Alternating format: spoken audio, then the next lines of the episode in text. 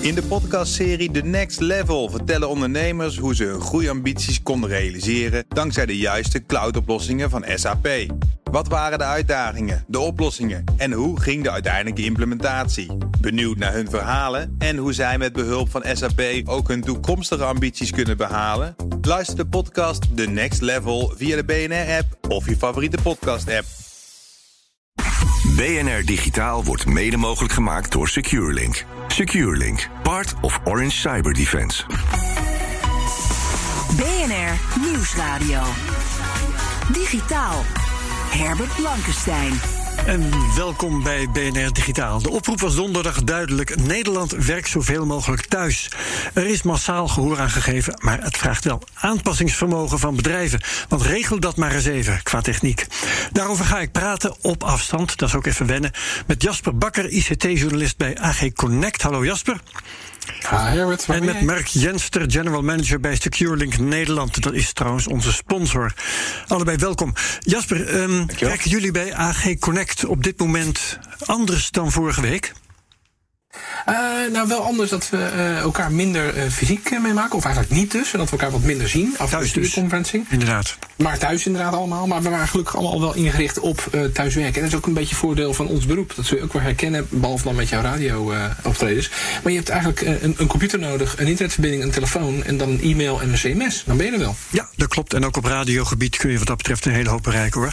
Um, Mark Jenster voor een bedrijf als SecureLink. Um, moet dit makkelijk zijn geweest of niet? Uh, ja, zeker. Bij ons zit het ook wat meer in het DNA, denk ik. Uh, dus voor ons is het ook relatief eenvoudig. Uh, hoewel het natuurlijk wel zo is dat wij ook 24 keer 7 onze klanten beveiligen vanuit onze SOC-dienstverlening. en daar is dus wat, wat minder eenvoudig, omdat het natuurlijk klantgevoelige data is. dus daar ja. moet je altijd wel zorgvuldig mee omgaan.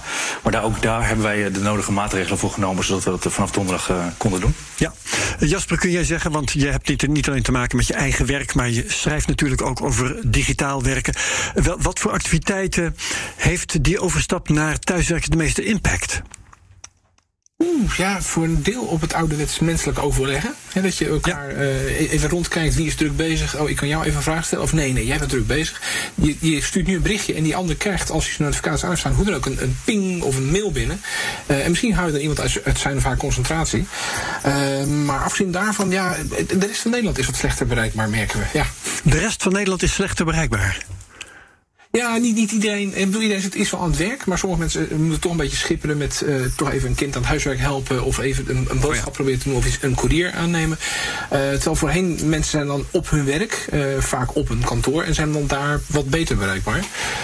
Dus als je contact hebt met mensen, kan er wat tijd overheen gaan. Als je krijgt niet gelijk te pakken. Maar het, het, valt tot op heden. Het is, het is te overkomen. Ja, ja, ja. En Mark, wat is nou het, het belangrijkste dat je technisch moet regelen om dat thuiswerken voor elkaar te krijgen? Ja, dat bestaat uit denk ik een aantal facetten. Ik denk als je kijkt naar een, een, organisaties over het algemeen genomen in Nederland kijken, die gaan uit van ongeveer 30% van de mensen werken thuis. En nu is dat bijna nagenoeg voor sommige organisaties 100%. Dus wat je ziet is dat, uh, dat je ziet dat waar je aan moet denken is dat de capaciteit van lijnen, hè, dat zie je natuurlijk ook bij de telecomproviders, die hebben dat allemaal opgeschaald. Maar wat wij nu op dit moment zien gebeuren is heel veel remote access toepassingen. die moeten opgeschaald worden. Dat heeft wat te maken met licenties voor gebruikers. zodat ze vanuit hun thuiswerkplek inderdaad uh, kunnen, kunnen benaderen. Ja, dus dan hebben we het over VPN's en over diensten als uh, Slack en uh, Google Docs, dat soort zaken. Moet ik cloud-dienst ja. in het algemeen gesproken? Ja, exactement. Ja, dat is het. Ja, het is inderdaad de licentie voor de gebruikers inderdaad om gewoon van remote te kunnen connecten naar hun kantooromgeving. Uh, en daar zien we op dit moment echt wel de grootste vraag om, om daar snel een installatie te doen of te zorgen dat het veilig werkt. Ja. ja. Ja, En Jasper, het is de afgelopen week ook wel gezegd, hè, verpleegsters kunnen moeilijk thuiswerken, vuilnismannen ook niet. En er zit van alles en nog wat omheen en tussen. Um, kun jij zeggen wat voor organisaties waarvan mij dat misschien zou verbazen, het thuiswerken niet vanzelfsprekend is? Oeh, um, ja, voor een deel de, de, de meer fysieke beroepen, uh, maar ook beroepen dat je bij, bij klanten langs moet gaan. Ja. Maar vreemd genoeg ook uh, beroepen die wel redelijk kantoorgebonden zijn, maar waarbij uh, het menselijke toch een grote rol speelt. Ik weet percentage niet uit mijn hoofd, maar een groot deel van onze communicatie is non-verbaal. Hoe jij kijkt als ik iets tegen je zeg, hoe jij knikt, of jij je armen over elkaar doet, of je armen naast je open houdt. Ja. Dat, dat is heel veel van invloed op, op communicatie. Dus ik denk bijvoorbeeld aan, aan, aan verkopers, die zullen het nu ook wat lastiger hebben. want mensen, je kijkt iemand aan, je weet hem te overtuigen, je weet vertrouwen of niet te wekken. Uh, dat zijn menselijke dingen die we ja, toch dierlijk willen, willen zien, willen ja, horen, uh, willen, willen ruiken. Ja, en ook bij een radio-interview kan ik vertellen, mist men dat. ja.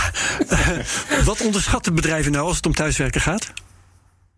Um, ik denk een aantal dingen. voor een deel beveiliging. Um, heel veel mensen die, oh, ik heb thuis een computer staan, uh, dan kan mijn zoon even niet gamen. Uh, de jammer van zijn Fortnite-sessies, hij moet toch aan zijn huiswerk. Maar is die PC wel veilig? Staan er niet allemaal handige plugins op om uh, gratis ja. alle nieuwste films te kunnen streamen? En wat voor malware zit daar wel of niet in? en daar komt dan je bedrijfsdata wel of niet. Of in ieder geval de inlog voor een bedrijfsomgeving als je alles puur SaaS-based hebt.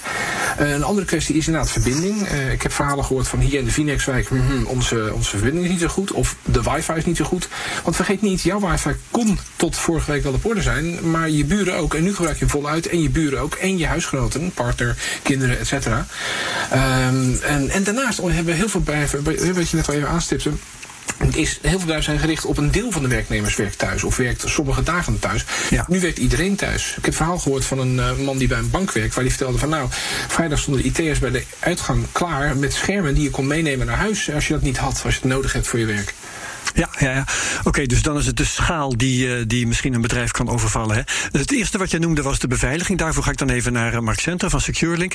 Is dat juist dat uh, bedrijven de beveiliging misschien onderschatten als deze stap genomen wordt? Ja, absoluut. Ik sluit me daar helemaal bij aan. Ik denk uh, wat je ziet is dat uh, hè, dus, uh, al die mensen moeten nu remote gaan connecten met hun werkomgeving. Dat betekent dat er wijzigingen moeten plaatsvinden in die centrale infrastructuur. dat wordt allemaal snel gedaan door IT. ik denk dat dat ook een hele goede zaak is natuurlijk. Maar daarin worden natuurlijk wel, kan er mogelijk fouten insluipen door, door veranderingen of aanpassingen in de policies die daar plaatsvinden. Dus dat is denk ik één. tweede wat je inderdaad ziet, en dat zei Jasper volgens mij net ook. veel mensen gaan nu toch misschien een werk of een privé laptop gebruiken om, om thuis te werken. Ja. Uh, dat is dus een unmanaged device, zoals wij dat zeggen. Dus je weet eigenlijk niet zo goed wat daarop plaatsvindt.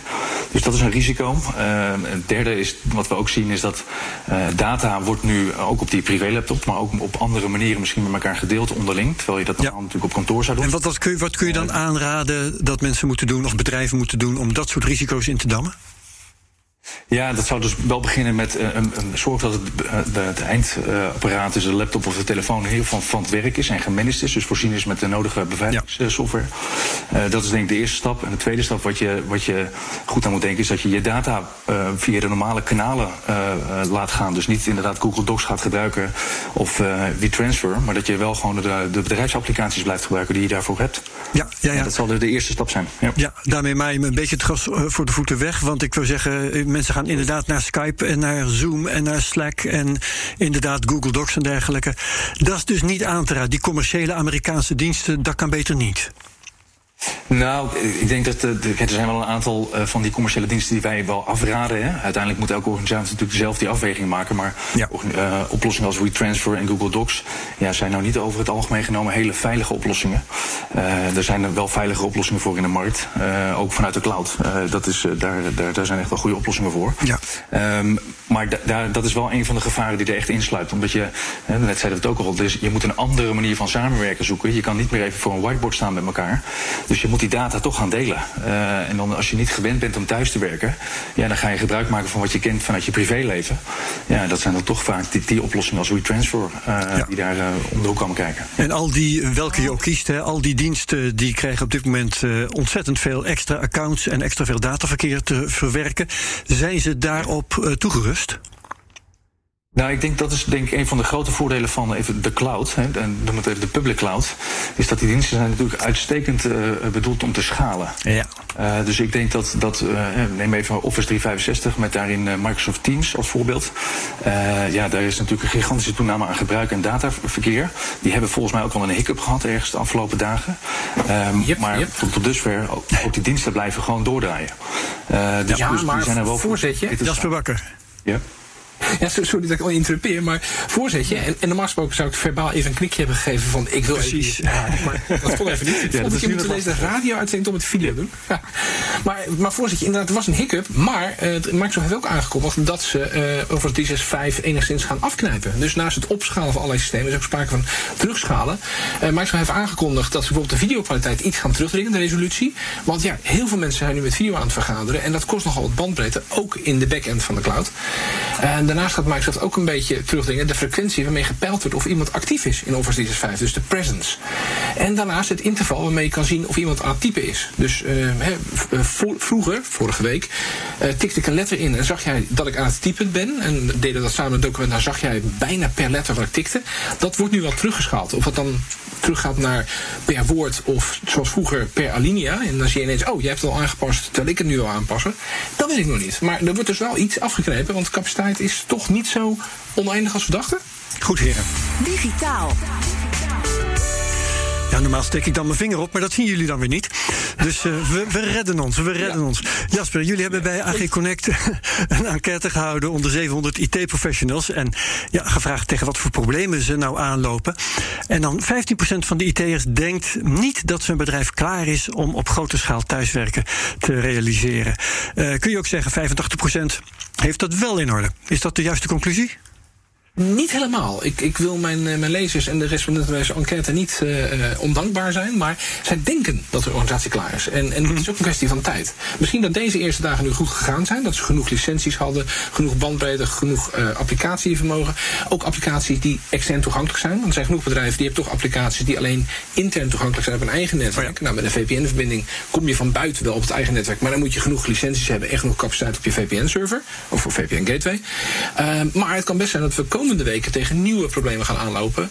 Nu die eerste haast van we moeten het faciliteren voorbij is. En een van de problemen kan dan bijvoorbeeld de veiliging zijn. Dus 85% denkt dat hun bedrijf klaar is om op grote schaal thuiswerk te faciliteren kunnen ze misschien deels mis hebben. Ja, ja, ja. En dan zeg je al, beveiliging kan een van de problemen zijn. Hebben we het over gehad.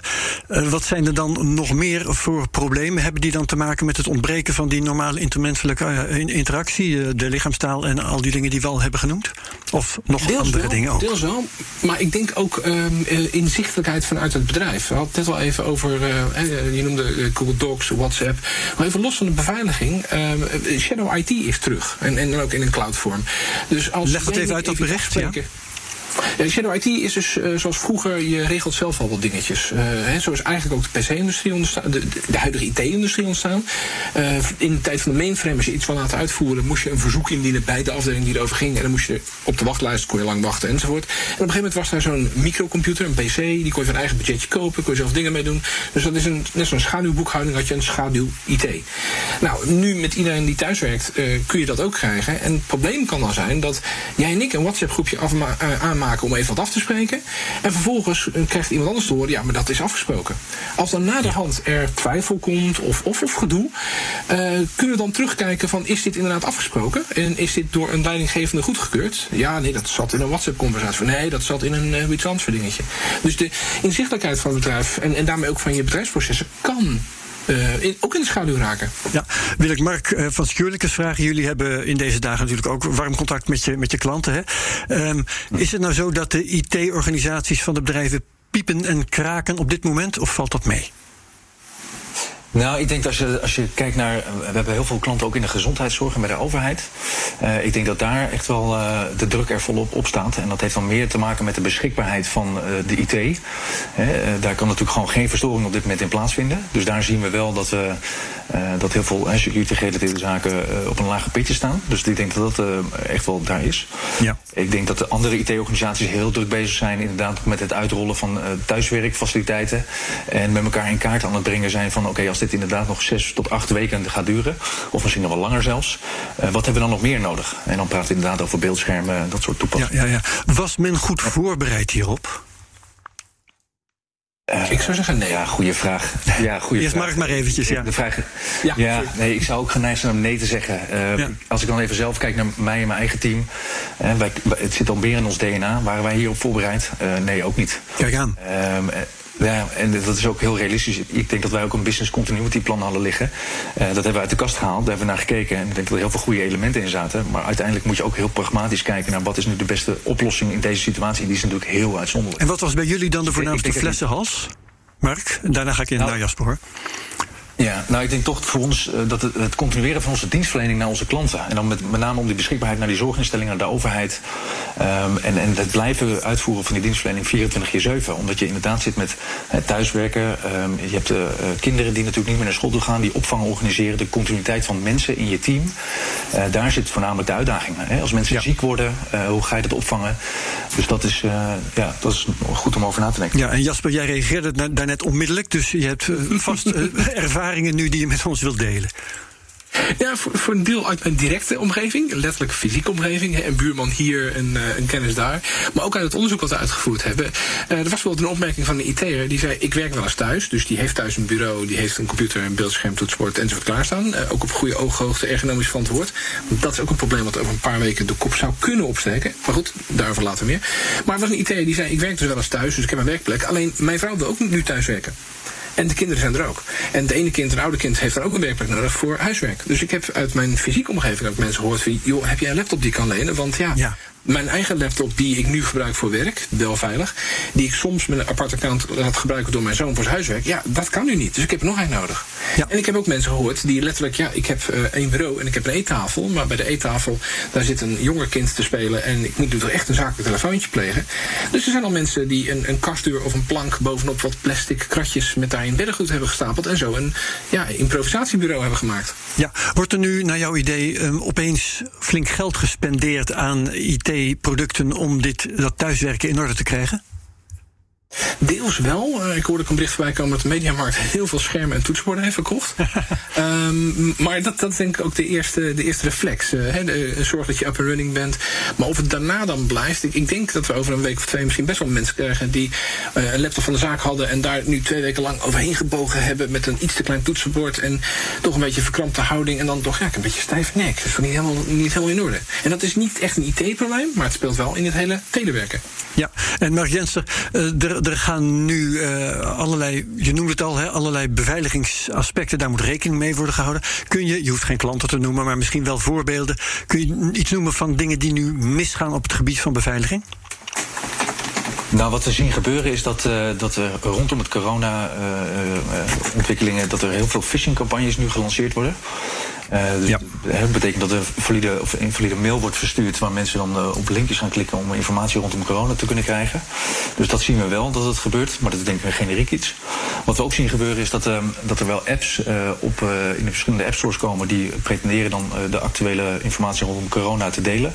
Maar dat zijn eigenlijk ook foutieve apps. dat zien we ook gebeuren.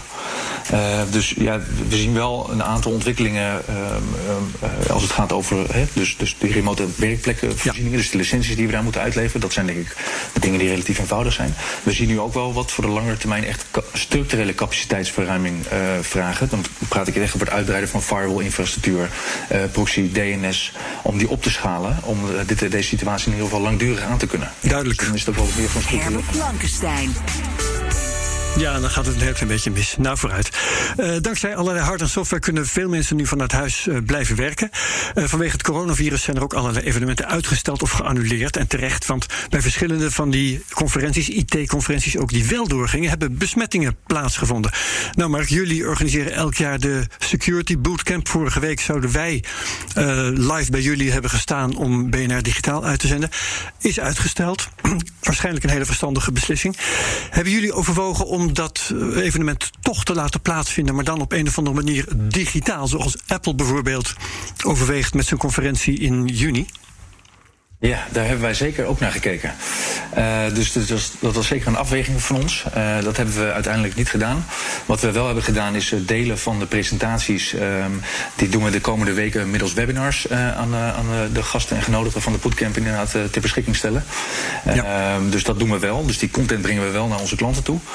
maar het event aan zich met, met camera's zoals Apple dat heel heeft gedaan, dat doen wij niet. En waarom is dat? Omdat de, de Security Bootcamp is meer echt een relatiegerichte event hè, in de markt met elkaar die informatie te delen. Um, en, uh, dus ja, dat, dat element is er helemaal niet. En dat ga je ook niet terugkrijgen met een online sessie. Nee, dat begrijp ik. Dus dan is het precies de, net ook, ook weer die um, fysieke dingen, hè, lichaamstaal, uh, gezichtsuitdrukking, al die zaken die je mist en waardoor jij zegt dat moeten we niet 100% digitaal gaan doen. Nee, zeker niet. Ik denk, dit was het achtste jaar dat we de bootcamp zouden organiseren. Uh, dat zouden ongeveer duizend genodigden komen. Uh, dat is een event waar mensen jaren komen om elkaar, om elkaar te spreken over hey, wat zijn ontwikkelingen bij jou, hoe, uh, lessons learned, ervaringen met elkaar delen. Ja, dat ga je niet nabootsen in een online omgeving. Nee, ook niet in de nabije toekomst, of iets verdere toekomst, met augmented reality brillen, weet ik veel, avatars, virtuele omgevingen en dergelijke. Ja, als je in de, in de verre toekomst kijkt, dan gaat dat zeker gebeuren. Uh, je ziet het natuurlijk in de zorg uh, gebeuren. Ja, dan zie je steeds meer dat mensen ook in online ruimtes met elkaar gaan vergaderen over de hele wereld. Ja. Maar ik denk dat die toepassingen en, en uh, het, het, het, dat wij er ook gewend aan zijn, daar zijn we denk ik nog niet. Nee, Jasper Bakker, hoe denk jij daarover?